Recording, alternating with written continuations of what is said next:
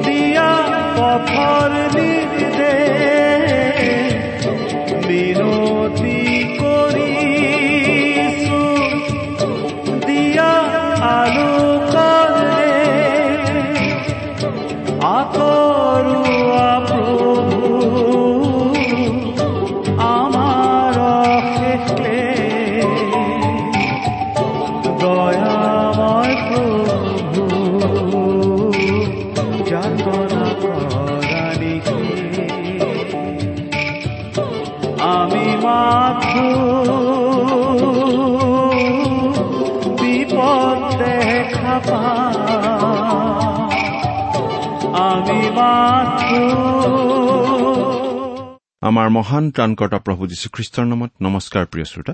আশা কৰো আপুনি ভালে কুশলে আছে। প্ৰিয় শ্ৰোতা আপুনি বাৰু আমাৰ এই ভক্তিবচন অনুষ্ঠানটো নিয়মিতভাৱে শুনি আছেনে? এই অনুষ্ঠান সম্বন্ধে আপোনাৰ মতামত আদি জনাই আমালৈ চিঠি পত্ৰ লিখিছেনে বাৰু? অনুগ্ৰহ কৰি আজি এই দুখাৰিমান লিখি পঠিয়াবচোন। আহকচোন আজিৰ বাইবেল অধ্যয়ন আৰম্ভ কৰাৰ আগতে খন্তেক প্ৰাৰ্থনাত মূৰ দুৱাওঁ। আমি প্ৰাৰ্থনা কৰো। স্বৰ্গত থকা অসীম দয়ালু কৰুণাময় পিতা তোমাৰ তুলনা নাই তোমাৰ প্ৰেম তোমাৰ কৰুণা তোমাৰ অনুগ্ৰহৰ কথা আমি বৰ্ণনা কৰি শেষ কৰিব নোৱাৰো। প্ৰভু যীশুৰ যোগেদি তুমি আমালৈ যি অনুগ্ৰহ দেখুৱালা তাৰ বাবে তোমাক অশেষ ধন্যবাদ পিতা। এতিয়া আমি তোমাৰ মহান বাক্য বাইবেল শাস্ত্ৰ অধ্যয়ন কৰিবলৈ আগবাঢ়িছো। তোমাৰ বাক্য তুমিয়েই আমাক বুজাই দিয়া। এই অনুষ্ঠানৰ আৰম্ভণিৰ পৰা শেষলৈকে তুমিয়েই আমাৰ চলাওঁতা হোৱা। অনুষ্ঠান শুনি থকা প্ৰতিজন শ্ৰোতাৰ জীৱনত তোমাৰ মহান অনুগ্ৰহৰ আশীৰ্বাদ প্ৰকাশ পাই উঠিবলৈ দিয়া। কিয়নো এই প্ৰাৰ্থনা আমাৰ মহান ত্ৰাণকৰ্তা প্ৰভু যীশুখ্ৰীষ্টৰ নামত আগবঢ়াইছো।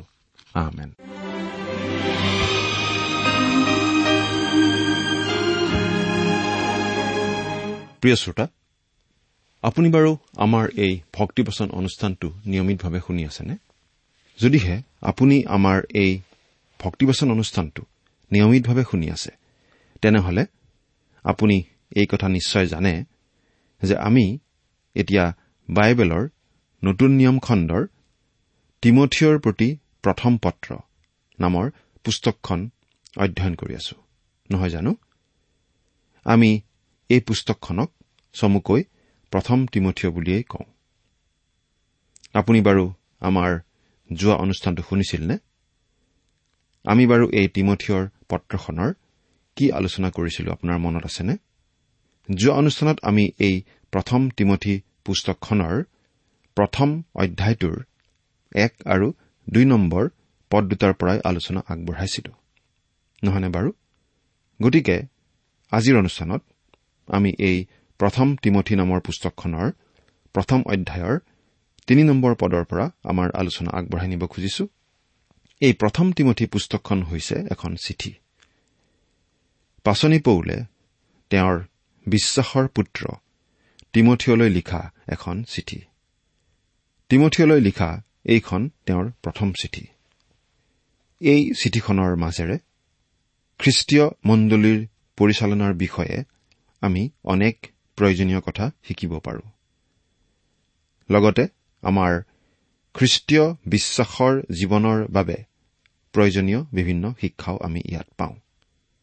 তিমঠিয় বয়সত ডেকা আছিল বাবে ইয়াৰ কথাবোৰ যুৱক যুৱতীসকলৰ বাবেও বৰ প্ৰয়োজনীয় বুলি ভবা হয় আৰু প্ৰয়োজনীয় হয়। প্ৰিয় শ্ৰোতা আমাৰ এই অনুষ্ঠানটো বাইবেল অধ্যয়নৰ অনুষ্ঠান গতিকে এই অনুষ্ঠানটো শুনিবৰ সময়ত লগত বাইবেল এখন লৈ ললে ভাল হয় বুলি আমি প্ৰায়েই উল্লেখ কৰি আহিছো। আপুনি বাৰু আপোনাৰ বাইবেলখন মেলি লৈছেনে? এতিয়া আহক আমি অধ্যয়নৰ পিনে আগবাঢ়ো।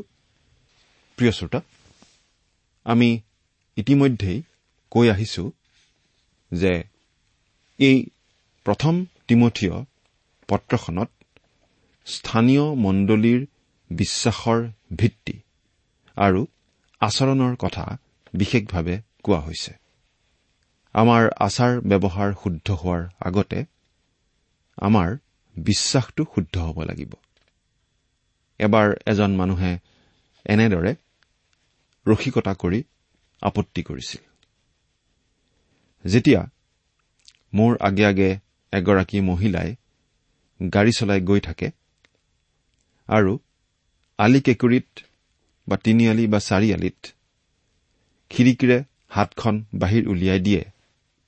তেতিয়া আচলতে এটা কথাহে খাটাংকৈ ক'ব পাৰি যে গাড়ীৰ খিৰিকীখন খোলা আছে।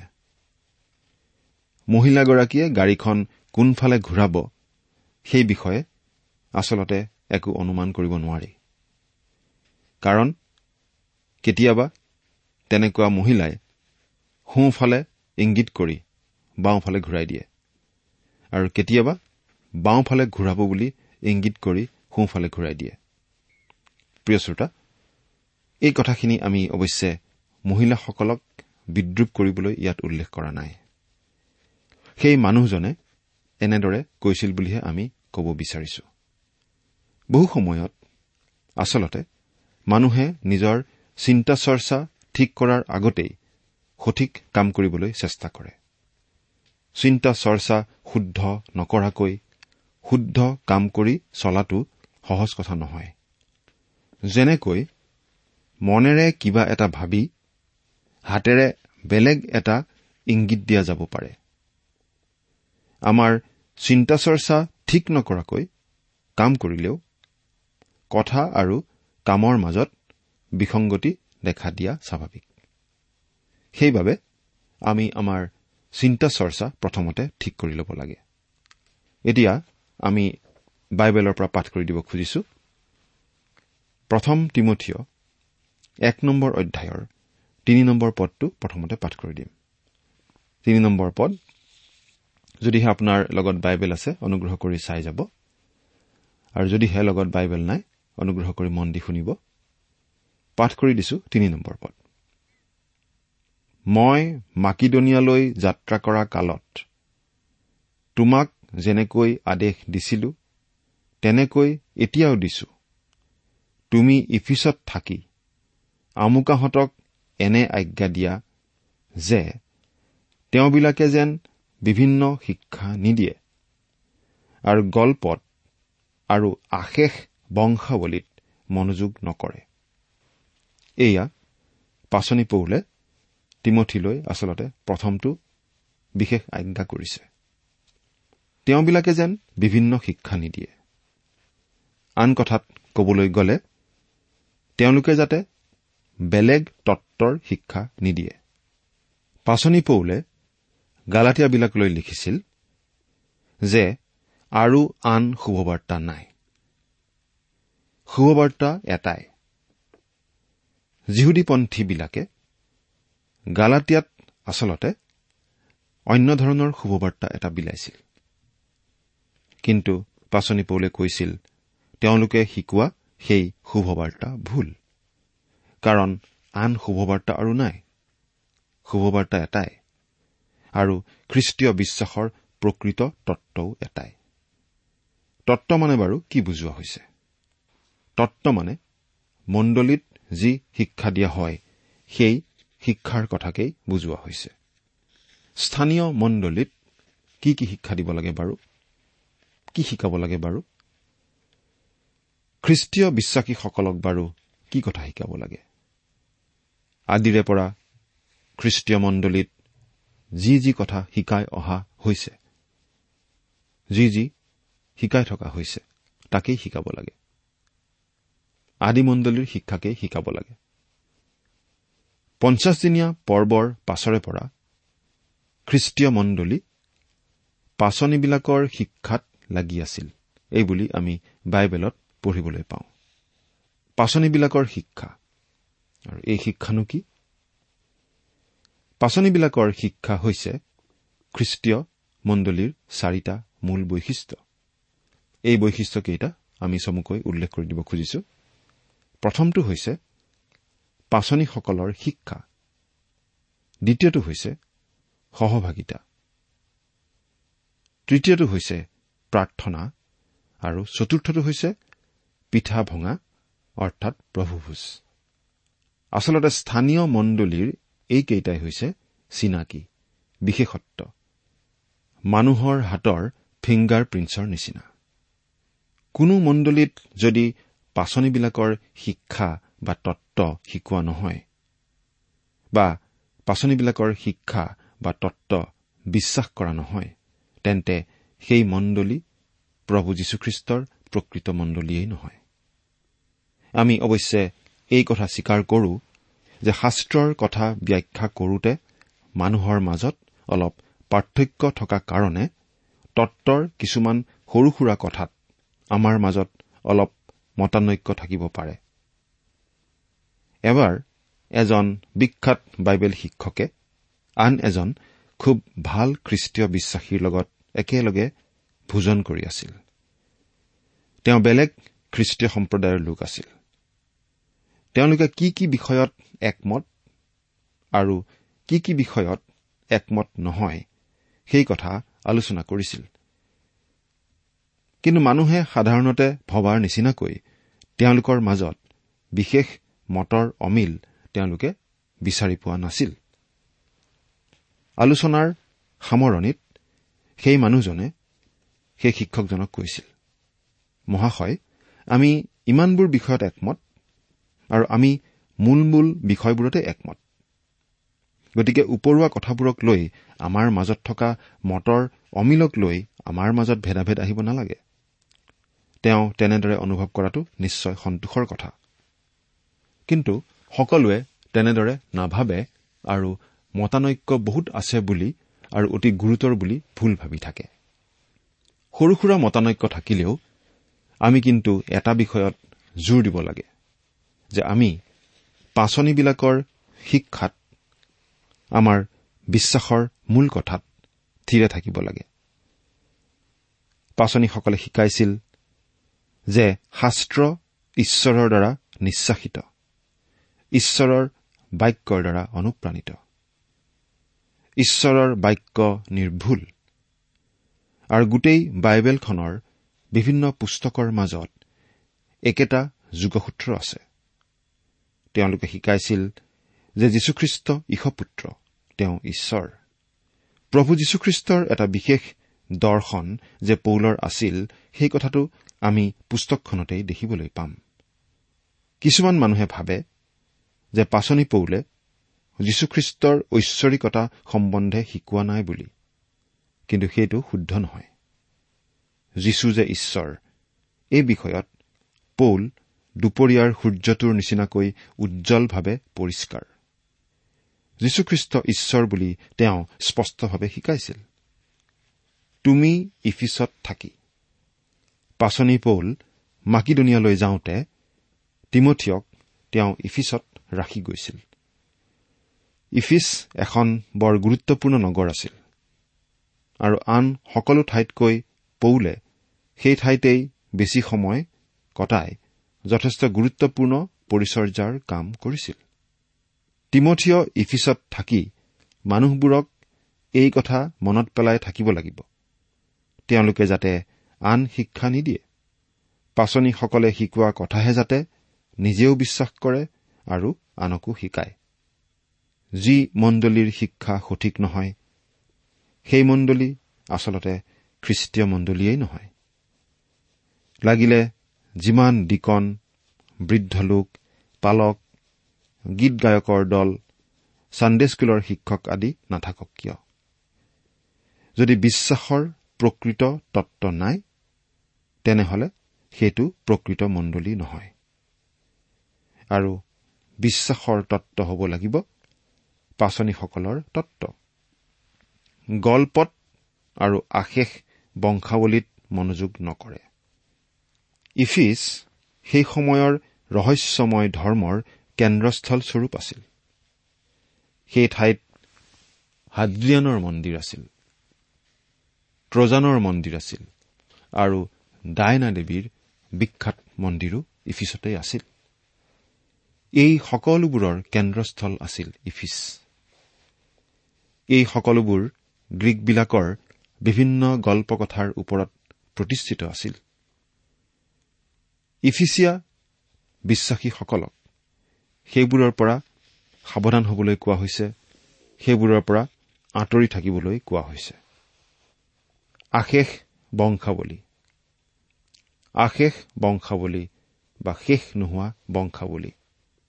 এই আশেষ বংশাৱলী মানে খুব সম্ভৱ সেই ভুল শিক্ষাটোৰ কথা বুজোৱা হৈছে যি শিক্ষাৰ দ্বাৰা এইটো শিকোৱা হৈছিল যে খ্ৰীষ্টীয় মণ্ডলী আচলতে আগৰ ইছৰাইলৰ এটা ওপৰঞ্চি ভাগহে। কিন্তু এই কথাটো সত্য নহয়। ইছৰাইলৰ লগত ঈশ্বৰৰ কাৰ্যসূচী আৰু আঁচনি বেলেগ। আনহাতে খ্ৰীষ্টীয় মণ্ডলীৰ প্ৰতি ঈশ্বৰৰ আঁচনি সময়সূচী বেলেগ। মুঠতে তিমঠিয়ক এইবোৰৰ পৰা আঁতৰি থাকিবলৈহে কোৱা হৈছে। আৰু পাচনীসকলে শিকোৱা কথাতেই থিৰে থাকিবলৈ কোৱা হৈছে।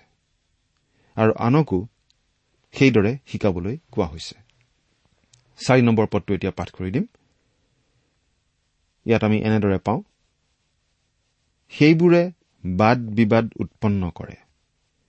কিন্তু ঈশ্বৰৰ ঘৰগিৰিৰ যি বাব বিশ্বাস সম্বন্ধীয় তাৰ পক্ষে উপকাৰী নহয়।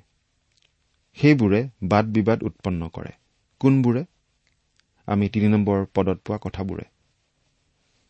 গল্প আশেষ বংশাৱলী ইত্যাদি। এইবোৰে মানুহৰ মাজত বাদ বিবাদ উৎপন্ন কৰে। কিন্তু সেইবোৰ লাভজনক নহয়। ঈশ্বৰৰ ঘৰগিৰিৰ যি বাব বিশ্বাস সম্বন্ধীয় তাৰ পক্ষে উপকাৰী নহয়। সেই গল্প আৰু আশেষ বংশাৱলী ইত্যাদি বিশ্বাস সম্বন্ধীয় কথাৰ বাবে উপকাৰী নহয়।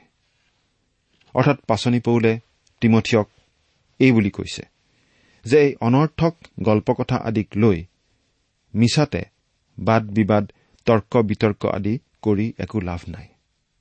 সেইবোৰে আমাক বিশ্বাসত বৃদ্ধি নকৰে। আজি তথাকথিত আধুনিক মণ্ডলী বহুতৰ অধপতন হোৱা আমি দেখিবলৈ পাওঁ তেওঁলোকৰ মাজত চলা অবিশ্বাসৰ কাৰণে। এনে মণ্ডলীবোৰৰ মানুহবোৰৰ অন্তৰবোৰ কঠিন প্ৰায় বিশ্বাসহীন মানুহৰ নিচিনা। তেনেকুৱা মানুহবোৰে ঈশ্বৰৰ বাক্য প্ৰত্যাখ্যান কৰিছে আৰু ফলস্বৰূপে মণ্ডলীসমূহ ভাবিব নোৱাৰা ধৰণে নিম্নগামী হৈছে। কিন্তু আমি পাচনীসকলে শিকোৱা বিশ্বাসত খোপনি ধৰি থাকিলে আমাৰ মণ্ডলীসমূহৰ এনে অৱস্থা নহয়। এতিয়া আমি পাঁচ নম্বৰ পদটো চাব খুজিছো। পাঁচ নম্বৰ পদ। ইয়াত এনেদৰে লিখা হৈছে কিন্তু যি প্ৰেম সুচী হৃদয় উত্তম বিবেক আৰু অকল্পিত বিশ্বাসৰ পৰা উৎপন্ন সেয়াই আজ্ঞাৰ উদ্দেশ্য। পাচনি পৌলে এই ডেকা তিমঠিয়লৈ অতি আৱেগপূৰ্ণ শব্দ ব্যৱহাৰ কৰি কথাবোৰ লিখিছে। তেওঁ মণ্ডলীসমূহলৈ লিখা পত্ৰবোৰত এনেধৰণৰ শব্দ ব্যৱহাৰ কৰা আমি বেছিকৈ দেখা নাপাওঁ। তেওঁ তিমঠিয়ক এই কথা কৈছে যে মণ্ডলীত যি শিক্ষা দিয়া হয় সেই শিক্ষাই সুচী হৃদয়ৰ পৰা প্ৰেমৰ জন্ম দিব লাগে। সুচী হৃদয় আমাৰ পুৰণি প্ৰকৃতি আমাৰ মাংসিক প্ৰকৃতিৰ পৰা উদ্ভৱ হ'ব নোৱাৰে। যি লোকে খ্ৰীষ্টক গ্ৰহণ কৰি ঈশ্বৰৰ দৃষ্টিত ধাৰ্মিক বুলি পৰিগণিত হৈছে সেই লোকৰ জীৱনতহে পবিত্ৰ আত্মাৰ এই ফল ফলিব পাৰে। পবিত্ৰ আত্মাৰ এটা ফল হৈছে এই প্ৰেম। স্থানীয় মণ্ডলীত তিনিটা বিশেষ গুণ প্ৰকাশ পাই উঠিব লাগিব। প্ৰথমটো হৈছে বিশ্বাস। ঈশ্বৰত বিশ্বাস আৰু ঈশ্বৰৰ বাক্যৰ ওপৰত বিশ্বাস। দ্বিতীয়টো হৈছে প্ৰেম। প্ৰেম কিন্তু অনবৰতেই মুখেৰে প্ৰকাশ কৰি থকা বস্তু নহয়। মুখেৰে কৈ থকা বস্তু নহয়। প্ৰেম হৈছে আনৰ প্ৰতি বিশেষ কাৰ্যকৰী চিন্তা। তাৰমানে আনৰ বিষয়ে আপুনি পৰচৰ্চা নকৰিব। আনৰ অন্যায় হোৱা একো কাম আপুনি নকৰিব। প্ৰেম মুখেৰে কোৱা বস্তু নহয় ই কাৰ্যৰ যোগেৰে প্ৰকাশ পাই উঠিব লাগিব। বিশ্বাস স্থানীয় মণ্ডলীত জীৱনৰ যোগেদি প্ৰকাশ পাব লাগিব। অৰ্থাৎ মণ্ডলীৰ জীৱন হ'ব লাগিব বিশ্বাসৰ জীৱন। আৰু জীৱন হ'ব লাগিব প্ৰেমৰ জীৱন। সেই জীৱনৰ জৰিয়তে প্ৰেম আৰু বিশ্বাস প্ৰকাশ পাই উঠিব লাগিব। মণ্ডলী চলাবৰ বাবে আমাক নিশ্চয় কিছুমান বিষয়ববীয়া পালক পৰিচাৰক আদি লাগে। কিন্তু আমি কেনেকুৱা পদ্ধতি ব্যৱহাৰ কৰি মণ্ডলীৰ কাম কাজ চলাওঁ সেইটো গুৰুত্বপূৰ্ণ কথা নহয়। যদিহে বিশ্বাস আৰু প্ৰেম নাথাকে তেনেহলে আমাৰ গীৰ্জাঘৰটো এখন অৱসৰ বিনোদনৰ স্থান বা কোনো ধৰ্মীয় ক্লাবৰ নিচিনাহে হ'ব। কিন্তু যদি বিশ্বাস আৰু প্ৰেম থাকে তেনেহলে মণ্ডলীৰ পৰিচালনাৰ পদ্ধতিটো গুৰুত্বপূৰ্ণ কথা নহয়। অৰ্থাৎ মণ্ডলীৰ সকলোতকৈ প্ৰয়োজনীয় কথাটো হৈছে এই বিশ্বাস আৰু প্ৰেম। ঈশ্বৰৰ ওপৰত বিশ্বাস ঈশ্বৰৰ বাক্যত বিশ্বাস। আৰু তৃতীয়টো হৈছে উত্তম বিবেক। উত্তম বিবেক। বিবেক অৱশ্যে খ্ৰীষ্টীয় বিশ্বাসীসকলৰ পথ প্ৰদৰ্শক বুলি আমি নকওঁ। কাৰণ আমাৰ বাবে পথ প্ৰদৰ্শক হৈছে পবিত্ৰ আত্মা ঈশ্বৰ। ঈশ্বৰৰ বাক্যৰ যোগেদি আমাক পথ দেখুৱায়। তথাপিতো এই বিবেক আমাক লাগে। নহলে আমাৰ ব্যক্তিগত জীৱনতো শান্তি নাথাকিব মণ্ডলীৰ জীৱনতো শান্তি নাথাকিব। উদাহৰণস্বৰূপে আপুনি দিনত কোনো মানুহক বেয়া ব্যৱহাৰ বা অন্যায় কৰি ৰাতি যেতিয়া শুবলৈ যায় তেতিয়া সেই কথাটো মনত পৰেনে? আৰু যেতিয়া মনত পৰে আপুনি অন্তৰত দুখ পায়নে? নে আনন্দ অনুভৱ কৰে? যদি আনন্দ কৰে তেন্তে সেয়া উত্তম বিবেক নহয়। আৰু যদি দুখ পায় ক্ষমা খোজে তেন্তে উত্তম বিবেক হয়। গতিকে ইয়াৰ দ্বাৰা পাচনি পৌলে এই কথা কৈছে যে প্ৰকৃত স্থানীয় মণ্ডলীয়ে বিশ্বাস প্ৰেম আৰু উত্তম বিবেক প্ৰকাশ কৰিব পাৰিব লাগিব। প্ৰেম সূচী হৃদয় উত্তম বিবেক আৰু অকল্পিত বিশ্বাস। সেয়েই আজ্ঞাৰ উদ্দেশ্য। এতিয়া আমি ছয় নম্বৰ পদটো পঢ়ি দিছো। এইবোৰৰ পৰা কোনো কোনো এফলীয়া হৈ গৈ অনৰ্থক কথাৰ নিমিত্তে বিপথে গ'ল। প্ৰিয় শ্ৰোতা স্থানীয় মণ্ডলীত ঈশ্বৰৰ বাক্যৰ শিক্ষা সঠিকভাৱে নিদিয়াৰ বাবে মণ্ডলীত অনেক সমস্যাই দেখা দিয়ে। মণ্ডলী আৰু তাৰ সদস্যসকল দুৰ্বল হৈ যায় বিভাজন আৰু খেলি মেলিয়ে দেখা দিয়ে। সাত নম্বৰ পদ। তেওঁবিলাকে যি কয় আৰু যিহৰ বিষয়ে দৃঢ় নিশ্চয়ৰ কথা কয় তাক নুবুজিও বিধানৰ অধ্যাপক হবলৈ ইচ্ছা কৰে। প্ৰিয় শ্ৰোতা এই কথা অতি সত্য। মণ্ডলীত ভুল শিক্ষা দিয়া মানুহ আমাৰ মাজত অনেক আছে আৰু সেই ভুল শিক্ষা তেওঁলোকে নিশ্চয়তাৰে দিয়ে। অথচ সেই শিক্ষাৰ বিষয়ে ঈশ্বৰৰ বাক্যই কি কৈছে তাকেই নাজানে। প্ৰিয় শ্ৰোতা আপুনি বাৰু আজি কাৰ কথা শুনি আছে? ঈশ্বৰৰ বাক্য অধ্যয়ন কৰি ঈশ্বৰৰ প্ৰকৃত বাক্য আপুনি বুজিবলৈ চেষ্টা কৰি আছেনে? ঈশ্বৰ আপোনাৰ সহায় হওক। আহমেন ইমান পৰে আপুনি বাইবেল শাস্ত্ৰৰ পৰা ঈশ্বৰৰ বাক্য শুনিলে। এই বিষয়ে আপোনাৰ মতামত জানিবলৈ পালে আমি নথৈ আনন্দিত হ'ম। আমি প্ৰস্তুত কৰা বাইবেল অধ্যয়নৰ চিডিসমূহ পাব বিচাৰিলে আৰু অনুষ্ঠানত প্ৰচাৰ কৰা কোনো কথা বুজিব লগা থাকিলেও আমালৈ লিখক। আমাৰ যোগাযোগৰ ঠিকনা ভক্তিবচন ট্ৰান্সৱৰ্ল্ড ৰেডিঅ' ইণ্ডিয়া ডাক বাকচ নম্বৰ সাত শূন্য গুৱাহাটী সাত আঠ এক শূন্য শূন্য এক। ঠিকনাটো আকৌ এবাৰ কৈছো ভক্তিবচন ট্ৰান্সৱৰ্ল্ড ৰেডিঅ' ইণ্ডিয়া ডাক বাকচ নম্বৰ সাত শূন্য গুৱাহাটী সাত আঠ এক শূন্য শূন্য এক। আমাৰ ইমেইল এড্ৰেছটো হৈছে Assamese T TV at the rate radio' eight eight two dot com আমাৰ website W W W dot T W R dot in আপুনি টেলিফোনৰ মাধ্যমেৰেও আমাক যোগাযোগ কৰিব পাৰে। আমাৰ টেলিফোন নম্বৰটো হৈছে nine eight five four zero' four zero' eight eight nine phone নম্বৰটো আকৌ এবাৰ কৈছো ন আঠ পাঁচ চাৰি শূন্য চাৰি শূন্য আঠ আঠ ন। আপুনি এই ভক্তিবচন অনুষ্ঠানটি আমাৰ website W W W dot radio' eight eight two dot কমতো শুনিব পাৰিব। আজিৰ অনুষ্ঠানটি ইমানতেই সামৰিছো। ঈশ্বৰৰ শান্তি আৰু অনুগ্ৰহ আপোনাৰ লগত থাকক। ধন্যবাদ।